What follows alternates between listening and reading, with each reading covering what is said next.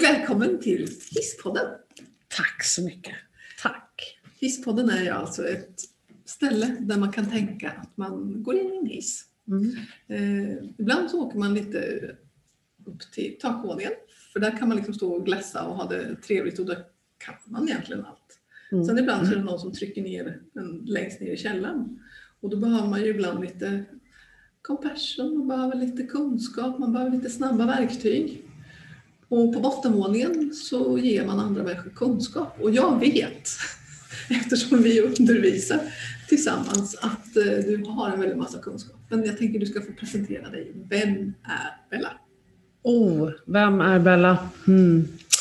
Ja, eh, jag är ehm, en person som brinner för att utbilda och föreläsa. En person som är eh, uppväxt med föräldrar som bedrev behandlingshem och motivationshem för tunga missbrukare. Ehm, Där jag bestämde mig jättesnabbt för att jag absolut inte skulle jobba med människor. Såklart. Eh, såklart, så jag har gjort precis allt för att inte jobba med människor. Jag har gjort allt från att städa till att jobba på McDonalds till att drivit restaurang och konditori och pub. Jag har gjort allt. Eh, tills jag, ja, riktigt så. Tills jag någonstans insåg att nej, det blir nog människor jag jobbar med. Eh, Så att jag har jobbat jättemycket inom psykiatri och kriminalvård, behandlingshem, paragraf 12-hem. Eh, Och där jag hela tiden har eh, upplevt att det är någonting som saknas. Mm. Det har varit någonting som inte har känts helt okej. Okay. Och för mig har det varit bemötandet. Bemötandet vi ger dem vi träffar Mm. bemötandet vi eh, har gentemot våra klienter. Vi pratar om att vi ska individanpassa, vi pratar om att varje enskild individ är unik och ändå så drar vi folk över en kam och behandlar alla likadant. Precis. Eh, Och det gjorde att jag eh, till slut valde att nej, jag vill prata med folk och förklara min syn på det.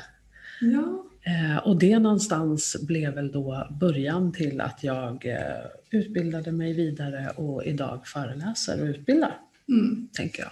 och står mycket för metoder tänker jag i Sverige också. Alltså, både manualskrivande men också i själva både praktiken till individ men också till väldigt mycket utbildningar. Ja. Ja. Mm. Vill du berätta lite om vilka? Vill jag berätta lite om vilka? Ja, eh, jag utbildar ju i eh, främst Accra, Mm. eh, men även CRA då. Och sen så ACC som är ett eftervårdsprogram till Accra. Mm. Och Accra och CRA det är ju eh, behandlingsmetoder mot personer med missbruk och riskbruk. Eh, och de är ju manualbaserade. Mm. Vilket jag insåg rätt snabbt eh, eftersom vi inte hade en svensk manual. Vi hade ju liksom en amerikansk manual och jag insåg snabbt. Jag vände mig väldigt mycket mot behandlingspersonal. Mm. Och eh, behandlingspersonal har en, eh, vad ska man säga, det är ett väldigt långt spann i vilken kunskap man har och hur pass utbildad man är. Men man jobbar fortfarande med samma klienter. Japp. Eh, vilket gjorde att jag insåg att de kommer aldrig att följa ett manualbaserat program med en engelsk manual. Det kommer Nej. aldrig att hända. Så då eh, pratade jag med mina kollegor som också utbildar i de här metoderna eh, och eh, konstaterade att de hade ju samma upplevelse som mig. Mm. Att det kommer inte att hända. Eh, och sen så tog jag kontakt med Amerika och eh, efter några månaders diskussioner hit och dit eh, så fick jag ju då eh, rättigheterna och möjligheterna till att översätta manualerna Mm. till svenska. Ja visst, och nu finns den ju. Jag menar, jag har ju Ja. haft förmånen att gå utbildningen så jag vet ju att den Ja. är väldigt funktionell och praktiskt väl användbar. Mm. Och den är enkel. Japp. Den är jätteenkel och jag tänker att oavsett vilken högskolekunskap jag har, oavsett hur pass lätt eller svårt jag har för att läsa, så är den fortfarande enkel och det gör att jag kan enkelt behandla min klient efter det som faktiskt är manualbaserat. Visst. Och det är ju eh, för att ge de bästa förutsättningarna för klienten, tänker jag. Ja, men att det finns någonting man håller sig i. Och Mm. sen tänker jag också samtidigt, jag menar det, det här med manualer är fantastiskt för det säger ju att någon har tittat på det här, man har forskat, man har provat, man har frågat klienter och man har gått många, många varv. Mm. Men det du börjar med när det gäller bemötande så tänker jag att där har vi ju MI Ja, oh ja. gemensamt. Ja. Och alltså, berätta lite mer om hur du hamnade där och hur du tänker idag. Ehm, Jag gick faktiskt en grundutbildning själv i MI för eh, 17 år sedan. Mm. Eh, Och eh, hade förmånen att gå en MI-utbildning för Karina Bong. Eh, En fantastisk. MI-utbildning och en fantastisk utbildare. Och jag vet att jag satt där och tänkte att när jag blir stor ska jag bli som henne. Eh, Jag vill också stå där och föreläsa och jag vill också kunna så mycket som hon kan. Eh, Och på den tiden hade jag hattat runt med så mycket andra jobb och var ju fortfarande liksom inte riktigt bekväm med det här. Ska jag verkligen jobba med människor? Ja. Men MI fångade mig. Ehm, och sen jobbade jag på flera olika ställen inom psykiatri och behandlingshem och kriminalvård och sådär. Och hela tiden hade jag med mig MI. Och gick fortsättningsutbildningar hos henne och gick till metodstödjare och gjorde allt jag kunde och jobbade konstant med det här och såg så fort att det händer någonting med människor. Eh, när vi arbetar utefter MI-andan och när vi arbetar utefter samtalstekniken. Mm.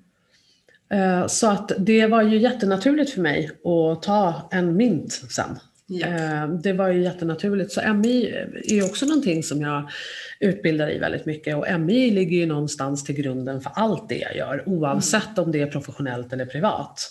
Visst. Eh, Det är ju så jag vill att folk ska möta mig. Ja, nyfiket utforskande och med en acceptans Och för en, vem man är. en acceptans för vem man är och empatiskt. Ja. Jag vill inte ha goda råd. Nej. Eh, Mår jag dåligt så vill jag att folk ska lyssna på mig. Ehm, och jag vill inte att folk ska tala om att de vet hur det känns, utan jag vill att de ska inte bara lyssna på mig, jag vill att de ska höra det jag säger. Mm. Och då tänker jag att då är det också en naturlig del att jag gör detsamma för någon annan. Exakt. Eh, och det är också jätteviktigt för mig när man möter folk eh, som har kommit till något ställe utav en eller annan anledning, att jag ändå försöker se personen och inte det man har gjort, inte handlingen i sig. Nej. För bakom Men- varje handling så finns det en människa. Mm. MI ligger till grund för allt och jag tänker att ACRA och CRA bygger ju faktiskt på KBT och MI-strategier så att det låg nära till hands. Mm. Gjorde det. Och sen är det ju väldigt kul. Vi, när vi tänker att vi ska göra saker ihop, Mm, så tänker vi att det måste få vara riktigt roligt. såklart. Ja, och så möter vi ju svåra ämnen. Men jag tänker, det finns ju inget motsatsförhållande i det. Nej, absolut Nej, inte. det är lite tvärtom. Det Ja. här att, vad kan man på för hyss? Ja, Ja. lite så. Mm. Eh, och sen så just det här också att få förmånen att träffa alla olika människor Mm. som du och jag träffar. Eh, både när man utbildar och föreläser men också tänker jag när man jobbar kliniskt. Ja. Eh, det är ju fantastiskt mycket människor som har gett mig så fantastiskt mycket kunskap. Oavsett om det har varit en kollega, eh, någon personal jag har träffat eller om det har varit en klient. Visst. För Man det är ju får så mycket. samma, mm, Ja, fast på olika sätt. Mm. Var står du någonstans nu? Alltså, vad är det som är ditt huvudspår nu? Just nu skulle jag nog säga att mitt huvudspår är att jag utbildar väldigt mycket socialpedagoger och behandlingspedagoger på olika yrkeshögskolor. Eh, sen har jag även vanliga öppna utbildningar. Men det finns också en förmån med att få vara på yrkeshögskolor. Eh, när man får en hel kurs där jag kan få in både bemötandet, eh, även beroendet, Ja. Eh, Men jag kan också få in, eh, jag jobbar ju även med Sara och Patriark, Mm. som är riskbedömningar för våld i nära relationer och hedersrelaterat våld. Och det går ju också in i varandra. Mm. För i väldigt många familjer där det förekommer riskbruk så finns det ju också våld i nära relation. Ja. Någon form av dysfunktionellt beteende. Och det är någonting när man ser de här eh, vetgiriga eleverna eh, som börjar Ja. utbilda sig och som vill komma ut och som vill göra det bästa möjliga och någonstans att få förmånen att prata med dem Mm. under kanske åtta veckor. ja. Det händer något. Se när Det, säger pling. ja, Ja. när det liksom klickar till och Ja. när folk säger så har inte jag tänkt. Ehm, så jag hade nyligen faktiskt en eh, kurs i etik och bemötande. Det var Mm. fantastiskt kul. Det förstår jag. Fantastiskt roligt. För etiken. Alltså backar man bakom allting, etik och människosyn, Mm. eh, hur man kan få hejd på det. Har du några knep för att kunna få fatt i hur, alltså, hur människor ser på andra? Åh, Gud, vad svårt. Ja, alltså. Jag tycker ju generellt så är det så att folk utgår så väldigt mycket ifrån sig själva. Eh, och jag skulle önska att man någonstans kanske är lite blank när man träffar folk. Att man inte utgår hela tiden ifrån mig och mina behov, för det är det folk gör. Det här är vad jag har behov av och det här är vad jag vill. Utan att man faktiskt behöver se vem som är framför. Sen någonting annat som jag tycker är jätte, jätteviktigt eh, och någonting som jag själv har övat på och som jag idag gör. Det är att nu sitter jag här med dig och då har jag inga mobiler i närheten. Jag har Nej. ingen data i närheten. Det spelar ingen roll vem som ringer eller hör av sig därför att just idag så är jag med Agneta. Mm. Och då får allt annat vänta. Eh, och det spelar ingen roll att bilen måste in på reparation. Det spelar ingen roll att jag skulle behöva hänga upp en tvättmaskin för att jag kommer faktiskt inte kunna göra det. Utan att någonstans hela tiden dra tillbaka tanken till att vara här. Att vara medvetet närvarande här just nu. För det vi ofta gör är att vi pratar med folk, men i tankarna så ska vi hänga upp tvätten, vi får inte glömma att hämta barnen på dagis, vi får inte, och vi har så mycket på gång på en gång. Mm. Vilket gör att människan jag pratar med, även om jag tycker att jag sitter här, Ja, så upplever han eller hon att fast du är ju inte här mentalt. nej. Och det är någonting jag känner är just det här med etik. Det är inte etiskt rätt. nej, att vara någon annanstans Nej. än där man faktiskt är. Och Ja, där man är satt att sätta sig. precis. Och att då också dels vara här hundraprocentigt närvarande, men sen också inte utgå ifrån mig, utan faktiskt utgå ifrån personen framför mig. Vad är det hon eller han vill ha sagt? Och vad är det hon eller han kanske eventuellt vill ha hjälp med? Så det tänker jag ehm, skulle önska att folk stannade upp lite mer. Jag tryckte på stoppknappen i hissen en stund Ja. och stannade där såg vad är det jag ser runt omkring mig. Vem är det jag har här? Vad är det jag ska göra? Ja. Men på dina villkor. Precis. Ja. Precis. Har du några tankar eller knep, alltså det här när man ramlar ner och tycker att man har gjort bort sig eller gjort något som blir riktigt himla galet. Hur man tar sig därifrån. På ett schysst sätt. Jag tänker att alla gör bort sig. Alla ramlar ner, Mm. alla gör bort sig. Ehm, jag tänker att någonstans skaffa en acceptans till att okej, det här hände. Eh, det var pinsamt, det var jobbigt. Eh, men att någonstans, det är okej. Jag är inte mer än människa. Eh, det är klart att jag fortfarande är lika mycket värd som vilken annan värdig människa som helst. Ehm, och att bara liksom acceptera det som hände och kanske istället dra lärdom utav det. Men jag tänker också att kommer jag ifrån en eh, dysfunktionell familj eller kanske haft det väldigt jobbigt runt omkring mig så kanske jag behöver stöd utav någon som talar om för mig att vet du vad Bella, det är okej. För ibland kan det vara svårt att ha tilltro till sig själv. ja. Ibland kan det vara väldigt svårt att tänka att jag är bra. Jag tänker att om vi inte gör några misstag, alltså de kompisarna skulle ju inte jag vilja ha. Då vore vi inga Nej, då vore vi inga kompisar. Eh, Jag har gjort så fantastiskt mycket misstag i mitt liv och jag tror att det är det som gör att jag kan sitta där jag sitter idag. Eller hur? Eller hur? Eh, Så att misstag, tänker jag, det är, det är helt okej. Ja, och visst. Och, och det här, alltså när man som yrkesmänniska gör misstag, tänker jag, alltså, och ramlar ner i bottenvåningen Mm. i källaren, eh, så tänker jag att ibland så säger det någonting. Att ja, men jag kanske inte visste, visste det jag behövde veta. Jag Absolut. kanske behöver lära mig någonting nytt. Men om jag tänker att den klient jag möter så kan det ju handla precis som det här du säger med att jag har ingen tilltro till att jag är okej. Det finns liksom inget utrymme för att göra bort sig. Mm. För då är man hela jag fel. Och det är ju inte så. Nej, Utan det är så mänskligt. Det är jättemänskligt, men jag Ja. tror också att, som du säger, om jag som yrkesverksam gör bort mig eh, och ramlar ner någonstans, då tänker jag, beroende på i vilken kontext jag har gjort bort mig. Har jag gjort Ja. bort mig inför en klient, då tycker jag att det är fantastiskt viktigt att jag ändå förstår att det är min professionella roll som kräver att jag gör ett återföreningsarbete. Ja. Jag behöver gå fram till den personen och säga, vet du vad, det här blev jättetokigt, kan vi börja om? Jag ber om ursäkt för min del. Även om det är så att det kan vara klienter som har uppvisat ett aggressivt beteende, vad som helst. Men jag som professionell måste ändå bjuda in till ett återföreningsarbete. Och jag tänker att är det så att vi träffar någon som har gjort bort sig, eh, där jag är då den professionella och det är någon som har gjort bort sig, då behöver ju jag stärka personen i att, vet du vad, det är helt okej. Mm. Det är Helt okej. Det är Så det mänskligt. bli. nu går Ja. vi vidare. Mm. Vi går härifrån och framåt. Mm. Men jag tänker att alla bör göra bort sig. Ja, minst en. Minst, minst en gång om dagen. Eh, för jag tror att det är där vi liksom kommer någonstans. Det är där vi kommer vidare. Ja, visst. Och jag tänker på ditt, eh, alltså det har ju inte med att göra bort sig kanske, utan det är ju det här mera motståndet som man kan ha och leva med. Jag tänker, du sa det att jag ska aldrig jobba med behandling Ja. med, med människor. Och Ja. så, så håller man emot och håller emot. Eh, och sen när man öppnar upp och ser att men, människor, samtal, det är det här jag vill göra. Ja. Det här att det, alltså det går att ombestämma sig. Och, och det går Ja. att ombestämma sig jättemånga gånger.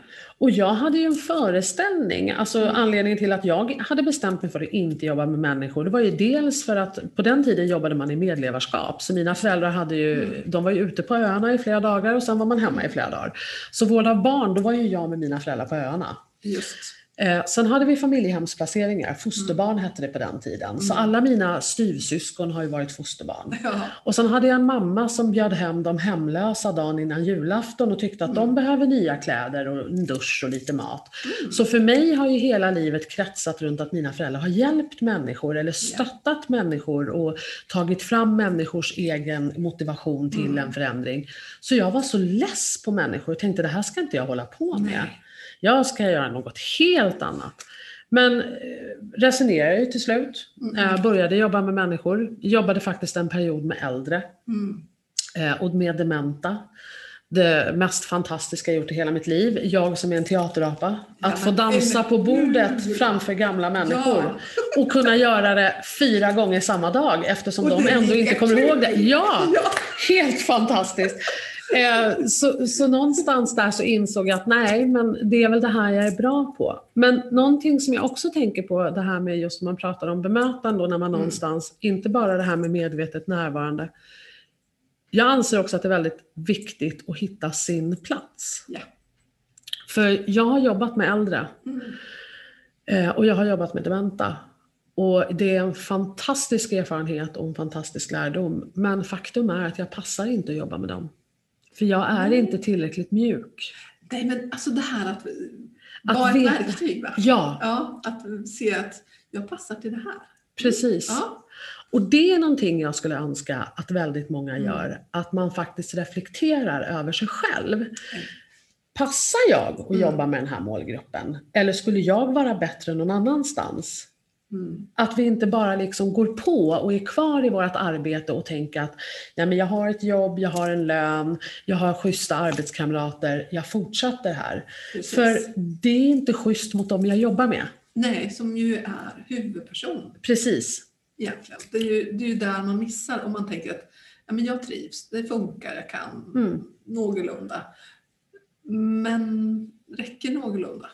Nej, det gör ju inte det. Och jag brukar också tänka så här, idag har jag en gammal moster som bor på ett äldreboende. Mm. Hade jag velat att hon skulle ha en personal som är som mig, som person? Mm. Nej, det Nej. hade jag inte velat. Därför att är man som mig så får man en frustration när Mm. damen vill gå nionde gången på toaletten. Precis. Så att jag vill inte att de ska ha mig, utan jag vill ju att min moster ska ha den personalen som är lämpligast att jobba där. Jobbar jag på ett behandlingshem, Mm.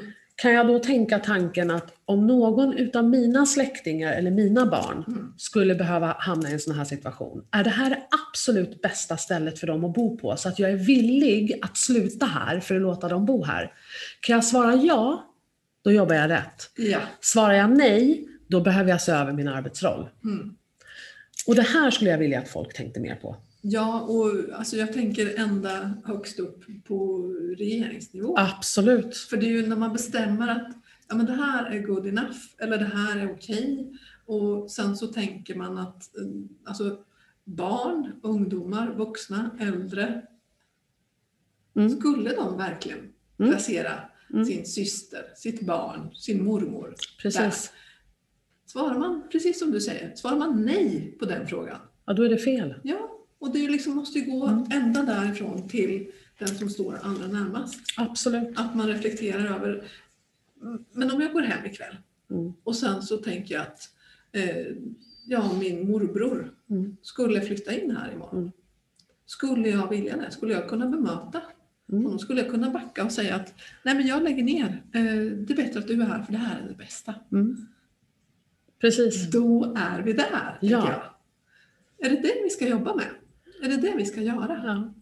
ja. Hjälpa människor att reflektera över om de är på rätt plats, om de har rätt verktyg i verktygslådan. ja. Har de inte det och kan utvecklas Mm. så kan vi hjälpa dem att utvecklas. Jag tänker det, för, Ja. för jag tycker att det är så viktigt någonstans. Det är en så viktig fråga. Och just det här att faktiskt reflektera över sig själv, det handlar inte om att jag är dålig, utan det handlar om att hitta min plats och hitta Mm. vad som passar mig. För att någonstans förstå att det här är individer som ska ha det absolut bästa utifrån vart de är någonstans. Då vill jag kunna ge dem det. Ja, Och kan jag inte det och kan inte jag resonera på det där sättet, nej men då ger inte jag de bästa. Det, då är det inte de bästa förutsättningarna. Nej, visst. Och sen är det som du säger, det är klart att det kommer ända upp Mm. till regeringsnivå. Absolut gör det det. Men jag skulle också önska att folk kanske tänker lite mer på min delaktighet i saker Mm. än att ta till den lätta vägen och hela Ja. tiden prata om organisationen Mm, eller cheferna mm, eller budget eller vad det nu än är. För att någonstans är det Ja. så här, ja fast du kan inte påverka det, men det du kan påverka det är hur du arbetar och hur du Mm. bemöter folk. Det är vad du kan påverka. Ja, men att man går ner till, alltså det finns ju en ansvarstrappa där man kan titta på, är du anställd så kan du påverka det som händer de närmaste tre månaderna om du har tre månaders uppsägningstid. Ja, Och det är en månad så har du en månad att påverka. ja, Eh, är du chef så har du ett år, är du liksom ledare så kanske du har tio år. Men Mm. alltså här nu med samma, mm, det jag gör här och nu idag, det är det jag kan påverka. Jag kan inte säga att om tio år kanske vi har något annat. Nej, i samma. ja, Vad gör jag nu? Vad gör jag Ja. här? precis. Den här sekunden, lika väl som du säger att när vi är här så är jag här. Jag Mm. stänger av allting annat. Vi är här. Mm. Och då måste jag kunna göra samma sak med bemötandet. Mm. Är jag här så ska du ha det bästa bemötandet. Ja, och jag tänker att det är också ett ansvar, inte Mm. bara bemötandet mot dem jag jobbar med, det är också ett ansvar i bemötandet gentemot mina kollegor. Ja. För det här med att komma in på morgonen Mm. och man är trött, man är stressad, man trivs inte på sin arbetsplats och det första som händer när jag kommer in genom dörren är att jag suckar. Den Precis. affektsmittan som uppstår då, när vi helt plötsligt har åtta stycken som sitter och suckar för att Mm. Ja. det är så tungt och det är så jobbigt, Jobbigt. och vi orkar inte. Det är också ett ansvar jag har, att faktiskt komma till mitt jobb och tycka att det är okej. ja, visst. Att det här är ju roligt. Mm. Och jag hör väldigt många gånger eh, när jag handleder personalgrupper, jag hör det när jag utbildar elever, så hör jag väldigt ofta så här, "Ah, fast det är okej att ha en dålig dag. Mm. Ja, alltså det är okej att ha en dålig dag, men jag vet inte, ska min dåliga dag påverka i den utsträckningen att jag är tvungen att gå till min arbetsplats och säga, vet du vad Agneta, idag har jag en sån fruktansvärt dålig dag, så skulle du kunna göra mina arbetsuppgifter? Nej, alltså jag vet inte om jag tycker det är okej. Nej, vad finns, eh, alltså sträck på dig. Ja, Ta ditt ansvar. Alltså, Någonstans. Ja, för vore du kirurg mm. Mm. Kommer till jobbet och säger att idag är jag lite skakig på handen. Eh, du, eh, Jag tänkte operera som- ändå. Ja, jag, jag kör ändå. Mm. Eller kan du ta över här? Mm. Nej, för det här är mitt yrkesansvar. Ja. Jag kan inte lämna över det till någon annan. Det, det finns ingen annan som kan använda skalpeller. Nej. För det får de inte. Nej. Nej. Nej, det, det är någonstans, och jag, jag tror överlag så tror jag att det handlar om att vi behöver alla, var och en utav oss, börja ta mer ansvar över oss själva. Eh, reflektera mer över vad vi gör och varför vi gör som vi gör. Ja. Eh, och framförallt vad det beror på. Mm. Det finns Eh. någonting under, det finns någonting som man Ja. behöver för, förstå och förklara. Mm. Och man ska kunna kl- förklara det för varandra också. Mm. Alltså tittar du på mig och vi jobbar tillsammans så ska ju du kunna fråga mig Men Agneta, varför gjorde du så här? Mm. Och då ska jag kunna förklara det. Mm. kan jag inte det?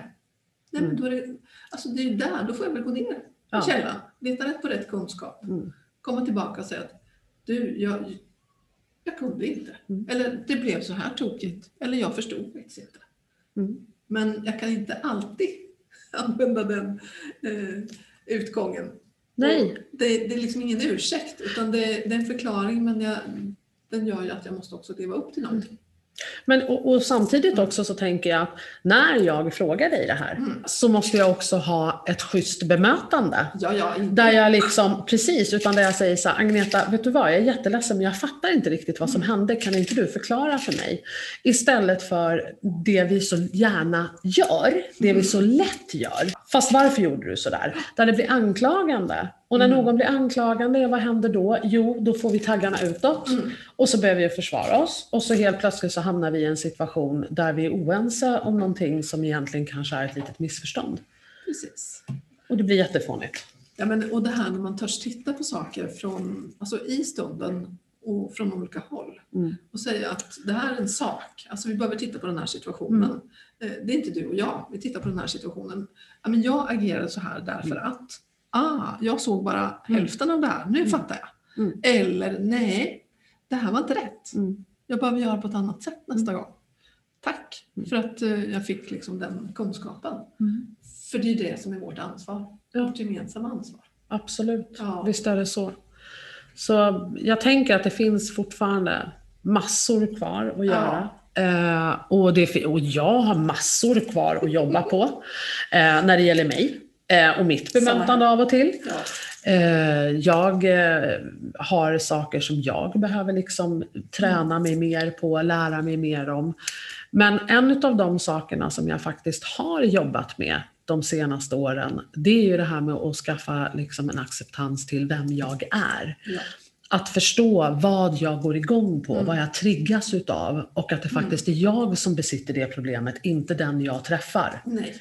Eh, går jag igång på att folk besvarar mig med tystnad, ja men det är ju mitt problem. Mm. Ja, det är ju ja, ja. inte deras problem som är tysta. Och det här tänker jag också att man behöver ha, jobbar man med människor Mm. behöver man ha en självkännedom. Verkligen. Och ha Mm. liksom en acceptans till sin egen eventuella ryggsäck. Mm. För det är också en sån där sak som det är väldigt många som jobbar jag får ofta till mig av många elever att jag vill jobba med att hjälpa människor.